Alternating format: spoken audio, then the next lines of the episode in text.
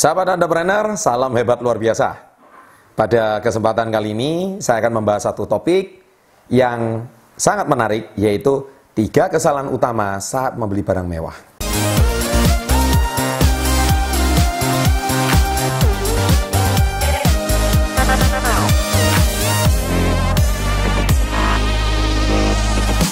Nah, pada kesempatan kali ini saya sering kali ditanya oleh banyak follower, ya, banyak subscriber, baik itu melalui email, melalui sosial media. Pak, boleh nggak memberikan tips kapan saatnya membeli barang mewah?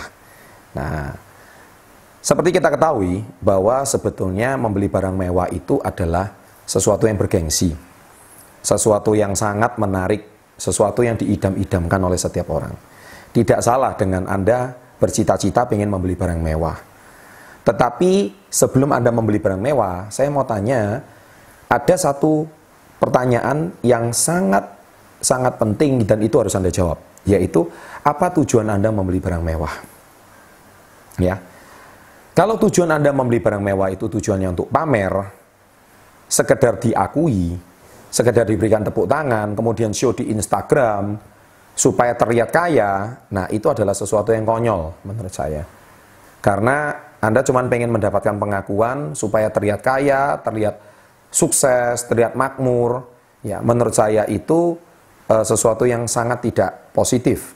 Ya, bahkan kecenderungannya Anda terpaksa harus dengan cara mungkin membeli barang mewah itu dengan cara berhutang sana berhutang sini supaya Anda terlihat kaya ya saya punya sebuah pepatah bijak berkata bahwa menjadi kaya itu sangat penting tapi terlihat kaya tidak terlalu penting saya ulangi menjadi kaya itu penting tapi terlihat kaya itu tidaklah terlalu penting nah sahabat entrepreneur eh, kalau tujuan Anda membeli barang mewah itu adalah untuk membesarkan bisnis, untuk meyakinkan partner usaha, itu sah-sah saja.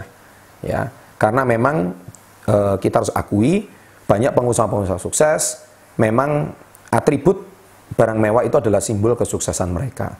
Ya, itu bagi saya adalah sesuatu yang sah-sah saja. Tetapi yang paling masalah adalah ada tiga kesalahan utama di saat Anda membeli barang mewah.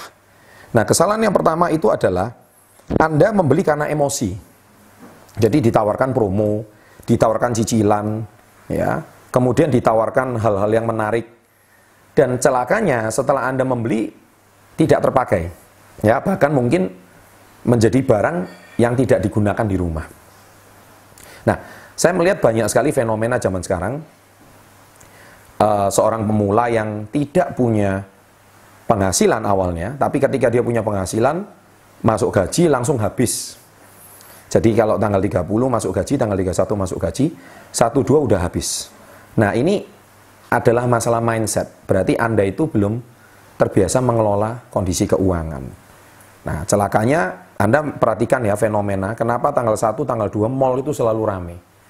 Ya, tempat-tempat shopping itu rame karena habis gajian. Ya, dan itu fenomena orang seperti ini seperti itu semuanya. Nah, akhirnya saking senengnya terima duit ya, dibelanjakan yang tidak perlu tidak perlu. Nah, jadi kesalahan nomor satu itu adalah Anda membeli karena emosi. Sebelum Anda membeli karena emosi, sebaiknya Anda pertimbangkan, yaitu apakah Anda membeli itu karena Anda terpakai atau tidak barang tersebut. Atau Anda membeli itu karena Anda benar-benar membutuhkannya enggak.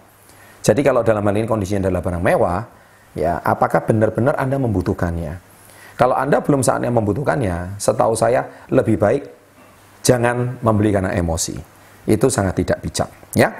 Nah, yang kedua, kesalahan fatal yang kedua adalah membeli karena gengsi, bukan karena fungsi. Nah, banyak e, para pemula itu mereka membeli karena gengsi. Contoh yang paling gampang adalah gadget. Ya, membeli gadget atau membeli gadget, ya, mereka membeli merek yang sangat mahal. Ya. Contohnya mereka mungkin membeli iPhone 6, ya, Note 5, cicilan 36 kali. Ya, nggak selesai-selesai cicilannya. Dan akhirnya stres mencicil. Ya, cicilan belum habis, barangnya udah rusak. nah, bagi saya, membeli yang bijak itu adalah bukan membeli karena gengsi, tapi membeli fungsi. Ya, itu saya punya prinsip. Ya, saya pernah bahas ini di Twitter. Ya, belilah barang itu karena fungsi, bukan karena gengsi. Saya ambil satu contoh ini HP saya. Ya, Anda lihat ini HP saya pakai sampai hari ini dan HP ini sampai detik ini ini saya beli bukan saya beli, tapi saya diberi karena hadiah ini. Ya.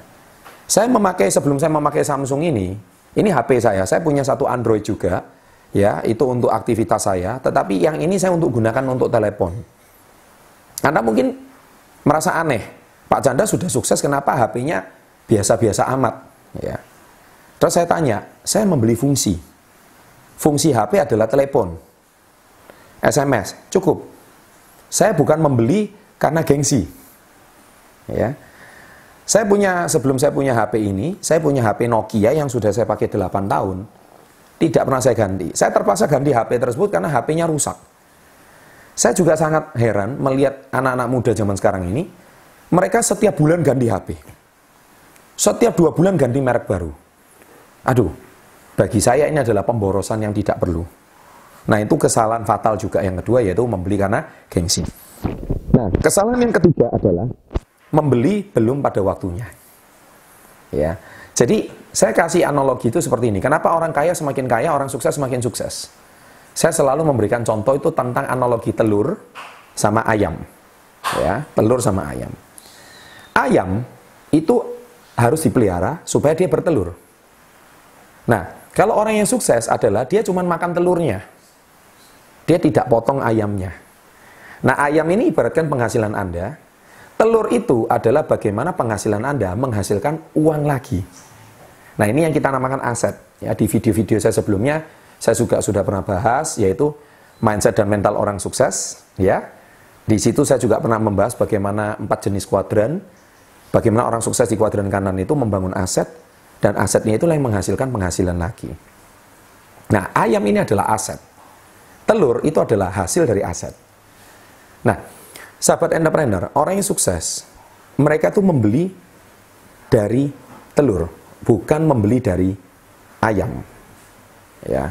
Mungkin kalau hari ini Anda harus sekali membeli barang tersebut, oke okay lah, sesekali potong ayam nggak apa-apa. Tapi kalau orang yang sukses, telurnya dimakan, terus beberapa telur akhirnya jadi ayam lagi. Jadi ayamnya dari satu menjadi dua, dua menjadi empat, empat menjadi sepuluh, dan ayamnya tambah banyak. Dan akhirnya dia untuk membiayai hidupnya, dia cukup ambil dari telurnya. Nah orang miskin atau orang gagal, ayamnya cuma satu dipotong pula. Akhirnya lapar, nggak punya apa-apa, akhirnya berhutang kiri kanan. Nah ini sering kali yang membuat hidup Anda menjadi stres, dan hidup Anda tidak menjadi lebih maju. Ya, jadi sahabat entrepreneur, pada kesempatan kali ini saya senang sekali bisa membagikan tips ini. Semoga tips singkat ini bisa memberikan Anda sedikit pencerahan tentang bagaimana mengelola keuangan Anda dan yang terpenting adalah Anda harus bisa belajar menunda membeli barang-barang mewah dan jangan membeli karena tiga kesalahan tersebut. Semoga bermanfaat, sukses untuk Anda, salam hebat luar biasa. Sahabat entrepreneur, salam hebat luar biasa pada kesempatan